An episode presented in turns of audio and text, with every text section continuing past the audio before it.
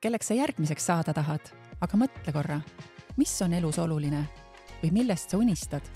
sul aitab inspiratsiooni saada TalTechi podcast, kus meie oma inimesed jagavad, kuidas sinust võib saada suurte muutuste ellu viia. TalTechi vilistlasena on elu pööraselt huvitav, sest alati vajab keegi just sind oma tiimi tööle. suurte probleemide lahendamine toob ka väärilise töötasu ja mine tea äkki sa ei lähegi kellegi juurde tööle, vaid teed oma äri parimate sõpradega ülikoolist. kui see kõik su silma särama paneb, siis tule meile.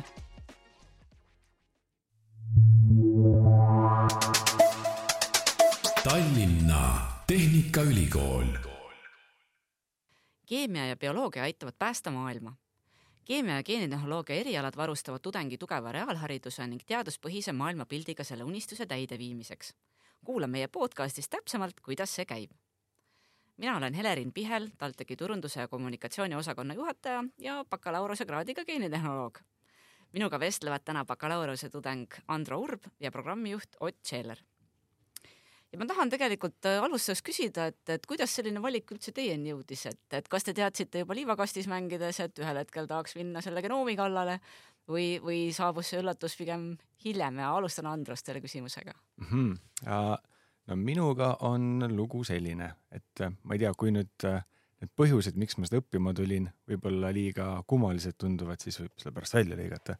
aga ütleme nii, kümme aastat äh, tagasi, ma olen nüüd juba päris vana inimene, et kümme aastat tagasi mul tekkis mingi kujutluspilt sellest, et kui võtta tammetõru ja ta ära kodeerida õiget pidi ja siis panna kasvama, siis äkki sellest kunagi kasvab maja. okei okay,, selline multifilm, eks ju Ott ei tea seda lugu uh,. ja siis ma mõtlesin vaikselt seda mõtet tükk aega, läksin, omandasin äh, hariduse hoopis teisel alal uh,, hakkasin sellel alal tööle ja siis ühel hetkel informaatika siis uh,? ei, helitehn-, helitehnika ja, ja, ja ühel hetkel ma sain aru, et kui seda asja arendama hakata, siis võib-olla viiekümne aasta pärast see oleks isegi võimalik. võib-olla. ja siis ma mõtlesin, et aga võib-olla hakkaks pihta.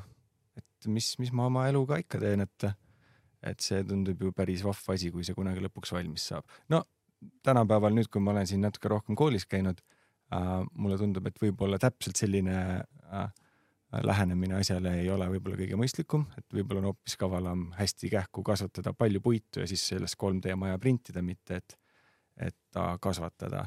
aga ühesõnaga niimoodi ma jõudsin äh, siia. nii, küsime siis Oti kohta, et ega nüüd ei saa siit kehvem lugu tulla mm. -hmm. ma võib-olla siis läheks äh, ajas veelgi natuke tagasi, üheksakümnendatesse.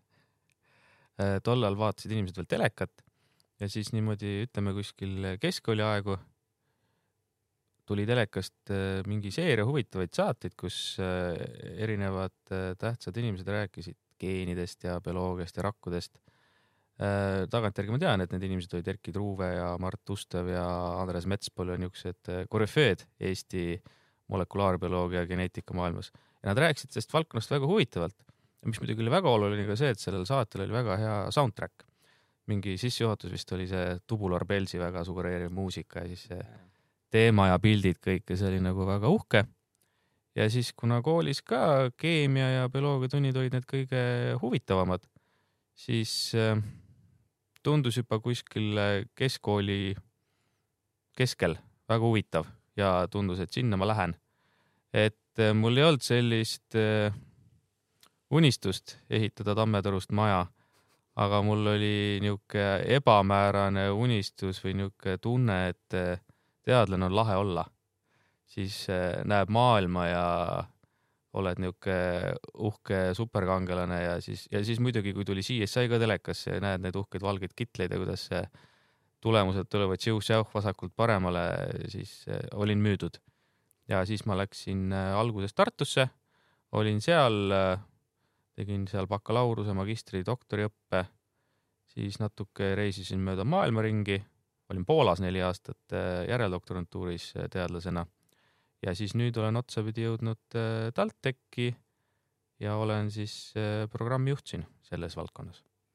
mina mäletan ka, et üheksakümmend üheksa, kui mina asusin õppima, et oli selline murranguline aeg, et tõesti see Eesti Genoomfond oli suur asi ja, ja räägiti sellest tollist äh, ja me kõik ootasime, et, et kus see suur vahe siis nüüd on, et, et kuidas see nii-öelda kloonitud tolli, et kas ta nüüd sureb palju kiiremini ära kui see originaal ja et, et millal me jõuame selleni, et, et me nii-öelda hakkame inimesi kloonima, et aga Ott, mis sa ise tunned, et tegelikult selle viimase kahekümne aasta sellised äh, suuremad murrangud või, või suunad üldse on, et mis, mis tegelikult on osutunud äh, põnevaks ja edasiviivaks? Ma vastan kiirelt sellega, et ma olen seda tollit isegi näinud topisena Šotimaal ühes muuseumis. kas ta suri kiiremini? no ta oli surnud selleks ajaks, kui mina teda nägin ma ei tea, mis see lamba keskmine eluiga on vähem kui inimesel seda kindlasti. ja tegelikult eh, noh, reaalsus on alati teine kui unistused, aga samas me liigume alati unistuste poole. et võrreldes selle ajaga, kui äh, me alustasime oma bakalaureuse geenitehnoloogia õpinguid, on äh, maailmas ikkagi väga palju liikunud edasi just äh, ei, ei ole jah toimunud seda, et äh, kohe on mingisugune geeniravi sekundiga kõigil olemas, kuid need tehnoloogiad on juba enam-vähem olemas. samuti igasuguste vaktsiinide tegemine, uute ravimite katsetamine, kõik need asjad on olemas. Nad on palju kiiremad kui olid äh, üheksakümnendate lõpus, kahe tuhandete alguses. ja sa puudutasid seda geenivaramut ja geeniandmeid, siis äh, tänu sellele on inimesed juba saanud äh, väga palju targemaks. ja ma arvan küll, et üks päev, see päev jõuab iga päevaga lähemale, kus me kõik saame ka seda personaalselt tagasisidet et kuidas me peame ikka täpsemini enda eest hoolitsema, et me elaksime kauem õnnelikumalt.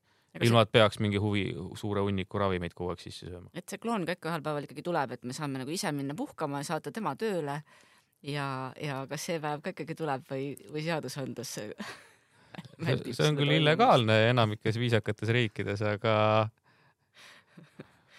noh. aga tehniliselt oleks see täna võimalik? ma ei ole selles veel päris kindel ja samas see ei oleks sina, vaid see oleks noh, lihtsam on võib-olla kuskil enda sarnane inimene leida, kes äh, sinu eest töö ära teeks. tundub hetkel odavam ja turvalisem variant. ja siis jagate seda palka kahe peale jah, see ei ole vist eriti efektiivne. Äh, oleneb palgast küsin Andro käest vahele, et, et tohutult äge lugu sellest Tõrust. aga kuidas see reaalsus nii-öelda on siis sulle mõjunud, et, et mis võib-olla kõige huvitavam ja põnevam ja üllatuslikum on olnud õpingute juures hmm,? kõige põnevam, no kõik ained on huvitavad. praegu siiamaani olen tegelenud peamiselt baasteadmiste hankimisega ja saamaks aru, et mis üldse on võimalused, mida saab üldse teha kõikide nende teadmistega Äh, võib-olla üllatuslik on see, et ma sattusingi tegelema um, enam-vähem umbes sellega, millega ma tahtsin tegelema sattuda. ehk siis tõrudega. mitte otseselt tõrudega, aga puudega ja et, et minu lõputöö hakkabki käsitlema seda, kuidas äh, puud kasvavad, ehk siis ma võtan ühe konkreetse puuhormooni ja siis vaatan, kuidas ta mõjutab geeni ekspressiooni ehk siis äh, mis selle puuga nii-öelda geneetilisel tasandil juhtuma hakkab ja kuidas see mõjutab tema kasvu.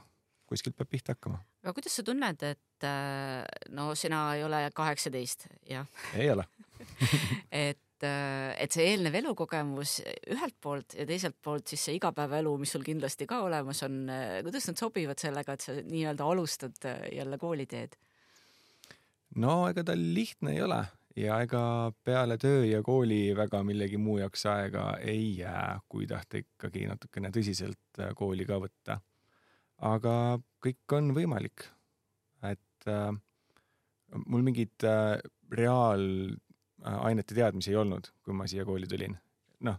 kuidas sa sisse said äh, õppisin et äh, pool aastat enne kooli tulekut otsustasin, et okei okay,, nüüd on vaja matieksam ära teha, mida ma polnud kunagi teinud, sest mul polnud kunagi vaja läinud. ja siis õppisin ise matte ära ja suvel vaatasin keemiat ka ja, ja praegu olen päris hästi hakkama saanud. on sul mõni lemmikõppeaine ka juba tekkinud? no need, mul on praegu käs, käsil bakalaureuse viimane semester ja praegu need õppeained, mis mul on, on kõik väga lahedad.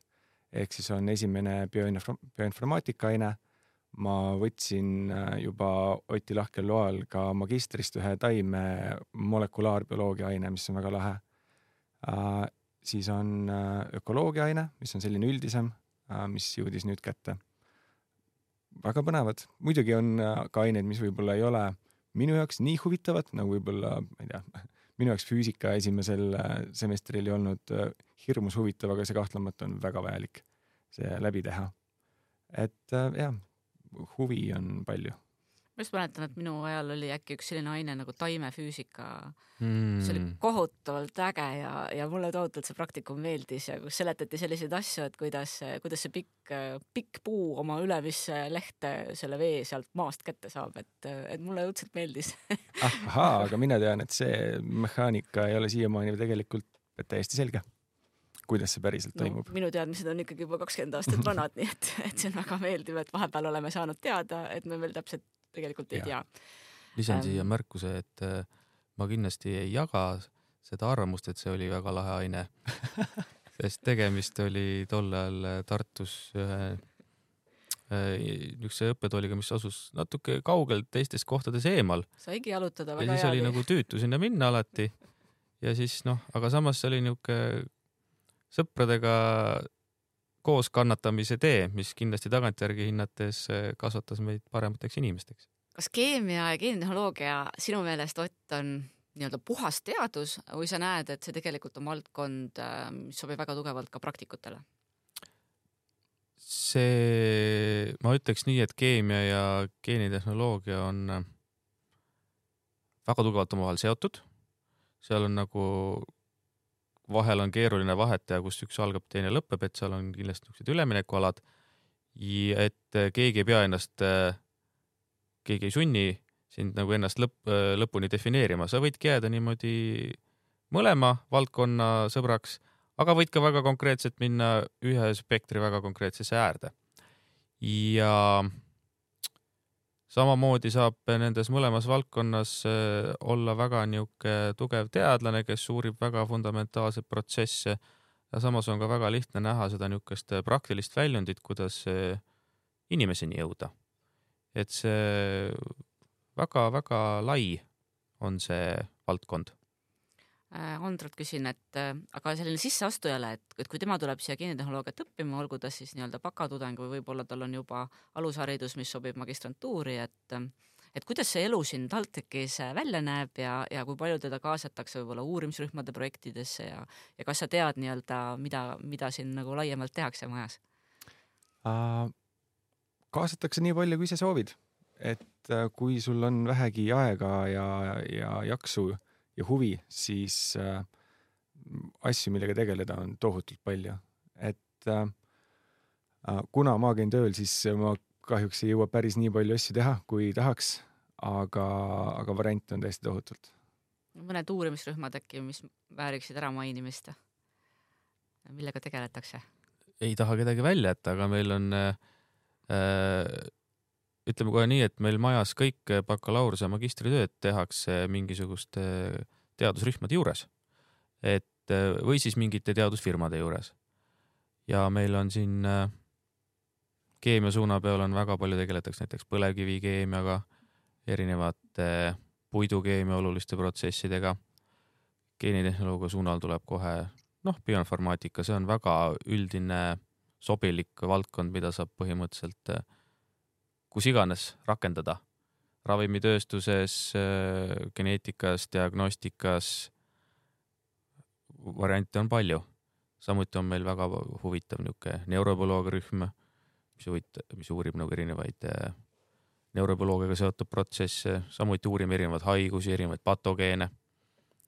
et ka niimoodi teadusrühmade vahel valides saab leida endale väga niisuguse huvitava suuna aga kuidas tulevik siis välja näeb, et kas tulevik on tervem, et kui me nii-öelda paar aastat tagasi kohtasime seda Covidit esimest korda ja, ja keegi ei osanud võib-olla kohe kiiresti väga head tegevuskava välja mõelda, tegutseti nii kiiresti kui saadi, et kas me täna oleme millekski taoliseks paremini ette valmistunud, kas me suudame seda juba ennetada? Ja kuidas ütleme, geenitehnoloogia ja just nimelt äh, meditsiin kokku puutuvad täna inimkond oli minu hinnangul tagantjärgi vaadates Covidiks päris hästi valmis. kõik need tehnoloogiad uute vaktsiinide väljatöötamiseks olid olemas. seda viiruse perekonda, koroonaviiruseid oli päris palju uuritud. inimkond oli valmis selleks, et kuskil mingi hetk võib mingi laksakas tulla. ja siis oligi riigid ja konsortsiumid panid seljad kokku. Noh, demokraatlikus ühiskonnas läheb alati natukene aega, et see niisugune vaielda see täpsem suund ja niisugune agenda valmis saada. aga siis, kui hobused olid äh, õiges suunas äh, jooksma pandud, siis päris kiiresti said vaktsiinid valmis ja minu hinnangul läks päris hästi. kas me võime siis täna öelda, et Äh, me tegelikult näeme tulevikus täpsemat meditsiini? Meditsiin läheb alati täpsemaks, aga alati tekib ka uusi probleeme, millele tuleb uuesti ette valmis olla. et äh, eelmisteks sõdadeks valmistudes tuleb alati valmistuda ka teoreetiliselt äh, teistsugusteks probleemideks tulevikus. et mida kauem elatakse, siis ilmnevad ka uued haigused, mida siis vanemas eas on vaja seljatada et.... aga kuidas teil on nende konspiratsiooniteooriatega, et kindlasti laboris on äh, pimedad pikad õhtud ja, ja tekib huvitavaid ideid, et mina mäletan Tartu aegades seda, et räägiti, et äh, jumal on olemas, sellepärast et äh, kui rakku sisse vaadata, siis see kõik on nii keeruline, et see ikkagi ise ise sellise kiirusega niimoodi tekkida ei saanud, et keegi pidi seda asja ikkagi dirigeerima. et mis need uue aja nii-öelda põnevused on või millest te, millest te vabal ajal räägite? Noh, miljardid aastad on päris pikk aeg, nii et see minu hinnangul see protsess eh, pigem ikka läks nii, nagu teadlased arvavad. Äh,.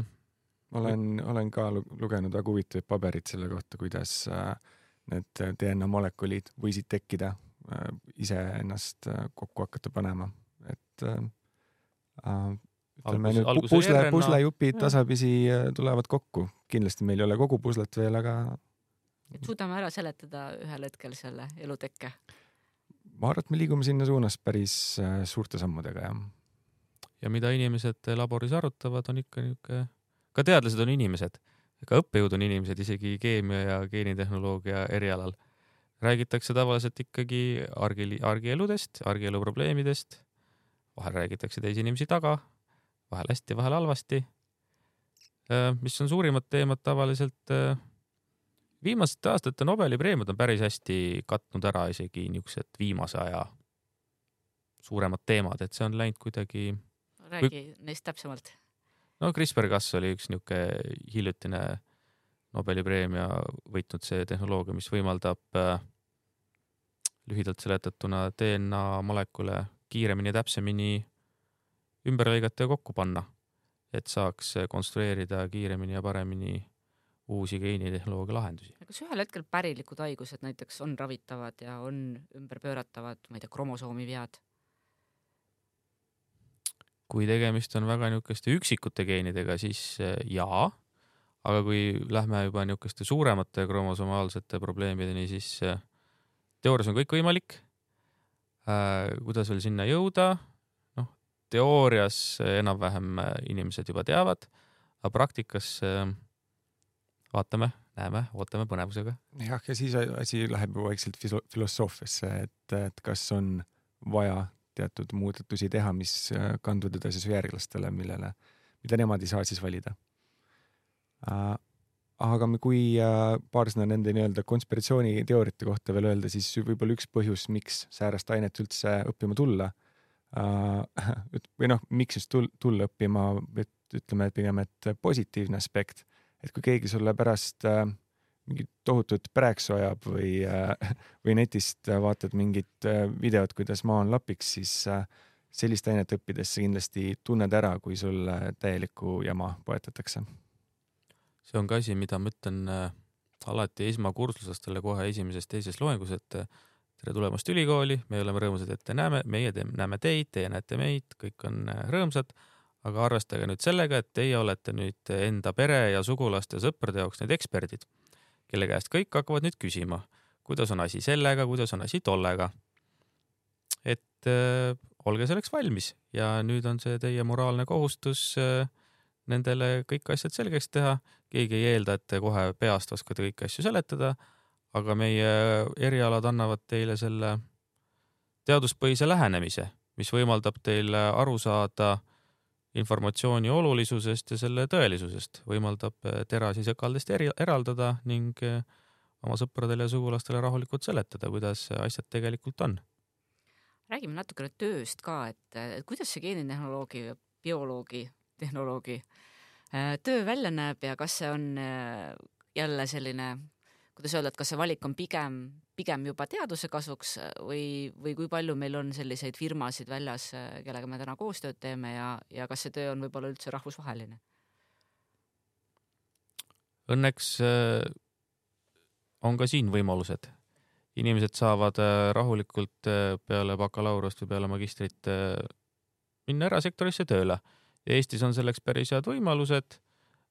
Isegi Tallinnas on päris palju erinevaid keemiafirmasid, mis tegelevad noh, ravimitööstuse erinevate osadega. lisaks ka on keemiatööstusest igasugused noh, Orto teeb kreeme ja Chemi-Pharma teeb desinfektante ja firmasid on päris palju, et kui plaan on konkreetselt tööle minna. Äh, geenitehno suuna peal on samamoodi päris palju erinevaid niisuguseid äh, diagnostikafirmasid, firmas, firmasid, mis arendab ka ravimi, ravimi arenduse jaoks erinevaid äh, komponente ja etappe. ja samuti, kui on tunne, et tahaks rohkem asjadega süvitsi minna, siis saab alati tulla magistratuuri ja miks mitte edasi doktorantuuri. ja samamoodi saab nende erasektori firmadega samal ajal koostööd teha et ei pea olema alati kas üks või teine, võib-olla natuke üht ja natuke teist. kuidas on, Andro, et mitu aastat siis planeerid tudengi staatust nautida, et loodetavasti ikka doktorantuuri lõpuni välja? no vähemalt magistri lõpuni ja siis vaatab edasi. et kindlasti ühel hetkel tahaks erasektoris ka tööd leida. ma arvan, et sinna läheb veel umbes poolteist aastat aega, enne kui ma midagi vaatama hakkan. aga ma usun, et selleks ajaks võiks juba midagi leida küll no mis sulle kõige rohkem meeldib siis äh, nii-öelda selle uue, uue elu juures, et see eelmine elu ju ka oli, oli juba edukas ja, ja rahulduspakkuv, aga ikkagi, et sa leidsid selle aja ja energia ja inspiratsiooni tulla siis äh, tegema ikkagi väga huvitavat äh,, ma ei tea, siis öelda kannapööret, aga ikkagi midagi hoopis teistsugust. No neid põhjuseid, miks ma oma elu nõndaviisi olen muuta tahtnud, on muidugi väga palju. Uh, võib-olla üks, mida välja tuua, on see, et kui, kui tegeleda muusikaga, siis äh, kasu nii-öelda, mis sellest tekib, on korraks ja koha peal üldiselt. ja iga kord sa pead jälle uuesti otsast pihta hakkama, kui sa siis teed uut kontserti või, või minu puhul helindad kontserdi äh,. teadustööga need äh, kasud on võib-olla natukene pikemaajalised ja, ja suuresti tulingi selleks, et äh, tahaks olla abiks kellelegi natukene laiemalt äh, kui lihtsalt hetkes. et ikka maailma muuta? ikka maailma muuta, jaa. Mis selle tõru hind oleks äh, viiekümne aasta pärast, et äh, kui ma saaks sellest endale maja kasvatada? kas ta no. võiks olla selline nii-öelda tavainimesele täiesti nii-öelda tasku või rahakotipõhine sobiv lahendus, kõlab tegelikult äärmiselt meeldivalt. kui nüüd fantaseerida jaa äh, ütleme, kui me nüüd võtame kogu selle arendustöö sealt välja, mis sinna viiskümmend aastat sisse läheb, mis ma arvan, on astronoomiliselt suur, siis see tõru ise, ma kujutaks ette, maksab mõne euro selles mõttes, et selleks ajaks äh, lihtsalt selle koodi sinna sissepanek ei ole, ei ole juba praegu mingi hirmus kallis tegevus, et tuleb selles mõttes kindlasti odavam kui maja ehitamine. Ja ja see, miks ma seda tahtsin teha, ongi see, et äh, taim, kui kasvab, võtab suurema osa äh, oma ehitusmaterjali õhust. Ja see ei maksa midagi. tõsi, kuidas sul suhted kursakaaslastega on ja kuidas teil selline kursuse ja programmi ja õppejõududega koostöö, elu, suhted on uh,?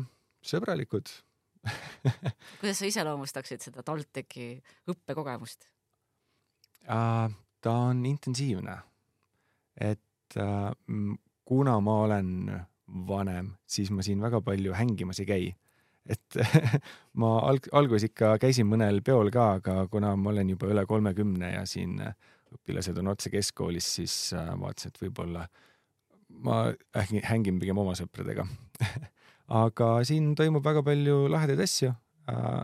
igal teaduskonnal on omad äh, noortegrupid, kes siis teevad üritusi, pidusid, koosõppimisi, mm, ka teadusasju ja kõik on väga lahe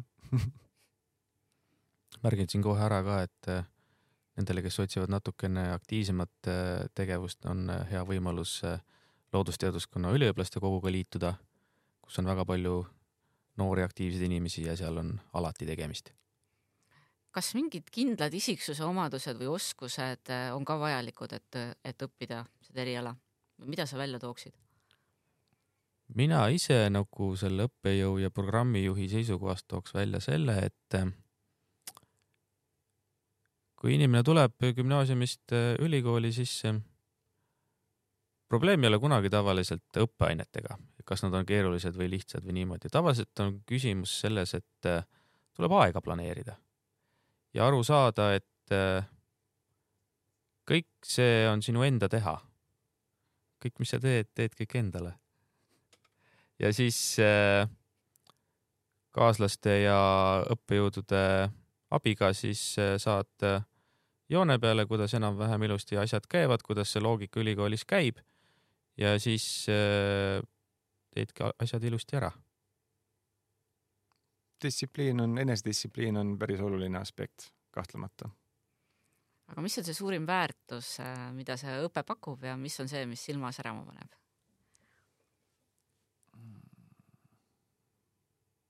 mõtlema vist paar hetke või no Oti käest saab küsida, et sa oled terve elu sellega tegelenud, et, äh, et miks, miks sa teed seda? see on äh, jube lahe seltskond on alati. Ja kunagi ei tea, kus, äh, vähemalt mina enda puhul, ütleme nii, et asjad on läinud hästi, olen jõudnud oma karjääris päris toredale kohale, töö on huvitav, kaaslased on huvitavad, õpilased on hämmastavalt toredad aga ma kunagi ei ole suutnud päris täpselt ette ennustada, kus ma olen kolme või nelja aasta pärast. enam-vähem suund on teada, aga kuidas sinna jõuan ja mis seal kohapeal siis alati olemas on järgmises etapis, see on alati niisugune pigem meeldiv üllatus olnud. ja praegu ka esi elus esimest korda podcast'i tehes tundub äh, jällegi, olen leidnud ühe väga huvitava uue koha, kus olla minu jaoks võib-olla üks äh, lahe aspekt on see, et kui äh, liikuda nii-öelda päris maailmas ringi või metsas või kus iganes ja siis sa näed midagi, mis sinus on alati tekitanud küsimusi ja nüüd, kui sa seda uue pilguga vaatad, tuginedes sellele, mis sa oled koolis õppinud, siis sa saad aru, et ma tean vastust sellele küsimusele, mida ma varem ei teadnud keegi pole mulle otseselt selle kohta midagi võib-olla õpetanud, aga ma panen need jupid kokku ja ma saan aru, mis siin toimub. see on hea point, mida Andro ütles, et eh, me ei õpeta fakte inimestele, aga me õpetame inimesi elus asju märkama, aru saama ning nende kohta ise vastust ja aru saama nagu enda peas koos eh, kõrvalise informatsiooniga valmis sünteesima. ma olen ka vahel mõelnud, et kuna mu hobitöö on Äh, stsenaariumite kirjutamine, et siis struktureeritud maailmapilt, et, et see arusaamine, kuidas, kuidas asjad kokku käivad ja kuidas üldse võiks nii-öelda millelegi luukeret teha ja siis sinna peale ehitada. ja kuidas see... seda natuke päästa, võib-olla keemia ja bioloogia abiga et see võib-olla, ma arvan, selle eest ma olen tänulik jah, sellele geenitehnoloogiale, et, et mis tegelikult jah, kui ma oma kogemust, siis ma võin ju ka seda jagada, et et oli, oli tohutult äh, tegelikult silmi avav, avav ja avar ähm, nagu kogemus erinevatest õppeainetest.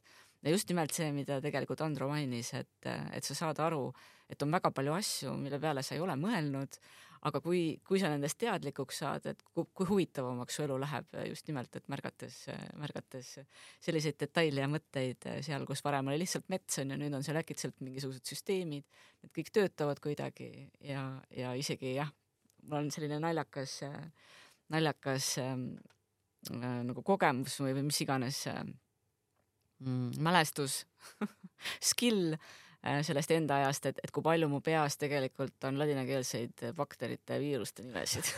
Et ma ei tea, milleks neid vaja on, aga ma arvan, et kunagi, kui ma olen hästi vana ja, ja pean veetma võib-olla vanadekodus igavaid tunde, et ma saan vähemasti tuletada meelde imelisi, imelisi ja Drosophila melanogaster loomulikult äh, meie kõigi lemmikloom, et, et on õpetanud ka palju asju kõige kohta. ja ma lisaks enda poolt veel selle, et äh, keemia ja geenitehnoloogia on sellised äh, põnevad valdkonnad, et nad ei, nad ei pane sind lukku töötama ja elama selles valdkonnas, et äh, siit võetud äh, elukogemus ja niisugune lai maailmapilt aitab sind tulevikus mitmel erineval suunal, et sa võid töötada sisuliselt ükskõik kohas, ükskõik mis valdkonnas niisuguse targa spetsialistina, sest sa suudad just seda suurt pilti näha. Ja siis tänu sellele, kuna sa oskad ka head eristada halvast, siis sa oled nagu kasulik, eh, võid olla mitmes erinevas valdkonnas, alates, ma ei tea, pangandusest, IT-st, avalikest suhetest, erasektor, ministeeriumid, igal pool. või siis turunduse valdkonnas väga struktureeritud valdkond küsin siis äh, Oti käest, et äh, kui need esmakursuslased tulevad äh,, et mis teid kõige rohkem siin majas äh, nii-öelda rõõmustab? esmakursuslased on äh, üks äh, võimsamaid nähtusi, millega mina siin ülikoolis kokku puutun, näha seda entusiasmi ja sära nende inimeste silmis, kui nad siia tulevad. Ja meie ülesanne ongi see sära seal alles hoida. Ja siis me üritamegi neid ikka kohe tutvustada kõikidele nendele erinevatele valdkondadele ja rakendustele, mis meie majades, töögruppides, õppeainetes tehakse.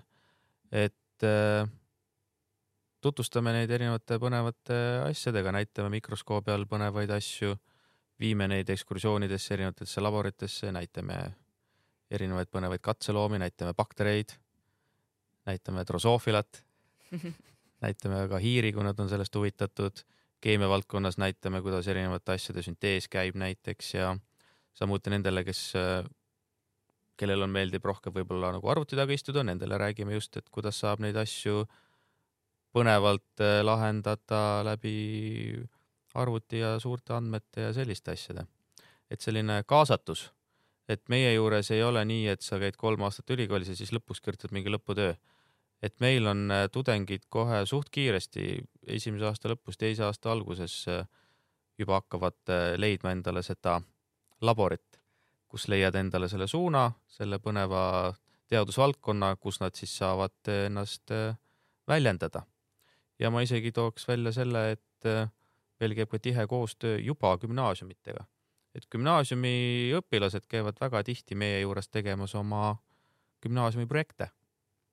Minu juures on käidud juba neli aastat järjest Raplast, sest ma olen ise Raplast pärit. Äh, väga palju on erinevaid Tallinna koole, et kes vähegi tunneb mingi suuna vastu huvi, seega selle leiab tavaliselt.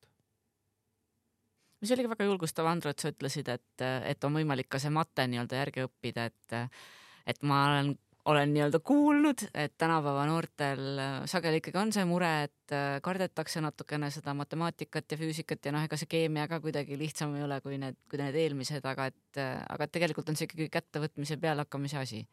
Mm, ja täpselt nii võtad raamatu kätte ja internetti ka. tänapäeval on internetis kõik asjad olemas, noh, inglise keele oskus tuleb siis muidugi juba kasuks. aga ka eesti keeles on materjalid olemas ja lihtsalt äh, järjepidevust ja aega on tarvis, et äh, saab hakkama ikka küsin Otilt, et äh, kuidas on äh, koostöö ka välisülikoolidega, et kui tudeng tuleb õppima ja tahaks võib-olla vaadata, kuidas käib õppetöö ka mõnes muus riigis, et, et kuidas nende võimalustega on?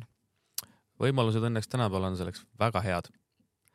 Äh, sisuliselt on kogu Euroopa tudengite jaoks valla tänu Erasmuse programmile näiteks ja lisaks on täpsem niisugune fokusseeritud koostöö Eurotech programmi raames erinevate Euroopa Tehnikaülikoolidega, kus saab siis valida kasvõi nagu veebi teel erinevaid aineid. aga jah, kui on soov veeta semester õppides kuskil, siis seda on tänapäeval väga lihtne teha ja samuti, kui te, kui tudengid valivad lõpuks endal selle töörühma, kus nad oma lõputöö jaoks eh, teevad projekte, siis tihti on ka seal nende töögruppidel erinevad koostööd eh, erinevate välisriikide töörühmadega, kus siis saab ka natuke rohkem seda niisugust rahvusvahelist õngu tunda. aga äh, kuidas see nii-öelda, kuidas see vahe siis on, et, et kas meie teadus on ka mõnes, mõnes valdkonnas nii-öelda maailma tipus? meie Eesti omapära on see, et meil on palju metsa, ehk siis äh, kõik, mis on seotud puiduga, tammetõrudega, see on tihti meie valdkonnas hästi tugev.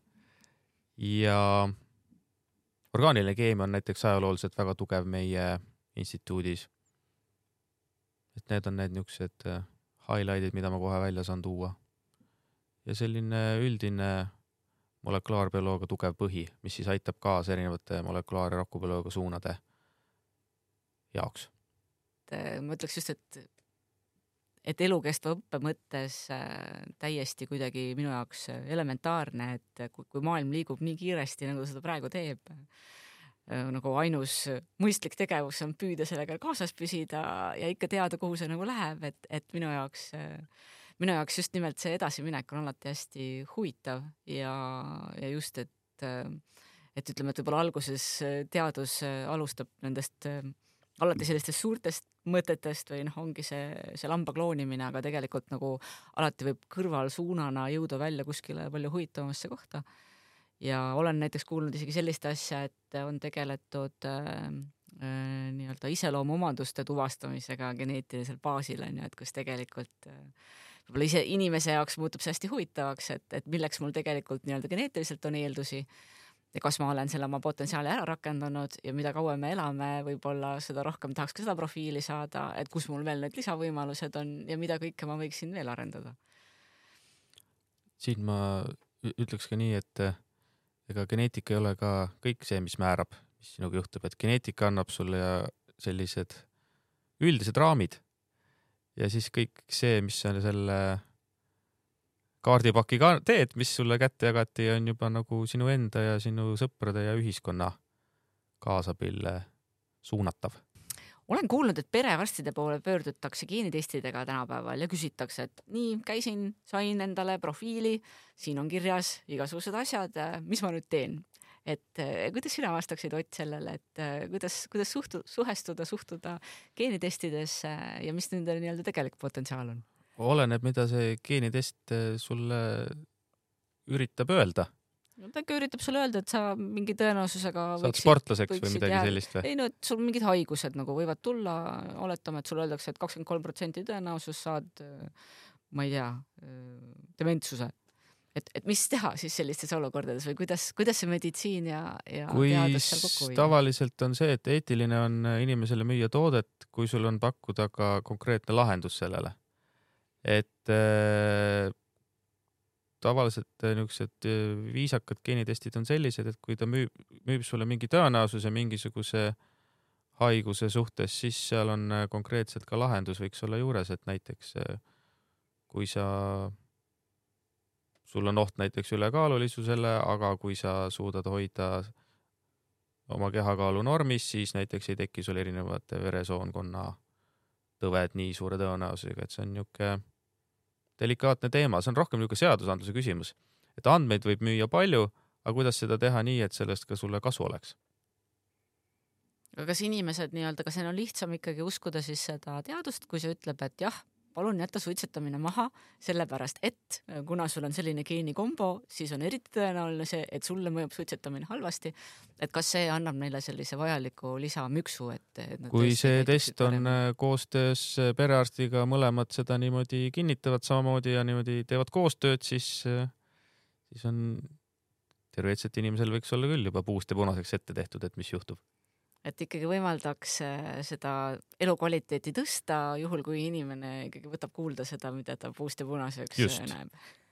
et äh, teadus ja arstid annavad inimesele info, aga lõppotsuse teeb ikkagi inimene. aga see info, mida arstid ja teadlased annavad, läheb iga aastaga paremaks ja tänu sellele inimeste eluiga pidevalt ka tõuseb ja mis siis võiks teie üleskutse olla järeltulevatele põlvedele, kes tahaksid tulla äh, teie jälgedes tegelema nende põnevate valdkondadega? et äh, te tegelege julgelt sellega, mis teid huvitab.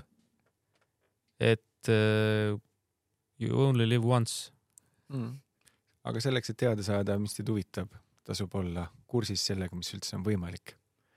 ja mõnikord on lihtsalt vaja siis tulla vaatama kasvõi meie kodulehekülge et mis seal kõik kirjas on, erinevad uurimisgrupid. aga suur tänu teile, oli väga huvitav ja, ja soovitan siis kõigil tutvuda kodulehega, absoluutselt, seal on veel rohkem infot kirjas. aitäh! aitäh!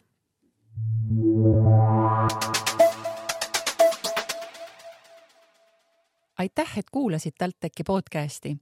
palun jaga saadet vähemalt ühe inimesega, keda see sinu arvates võiks inspireerida. Kuulmiseni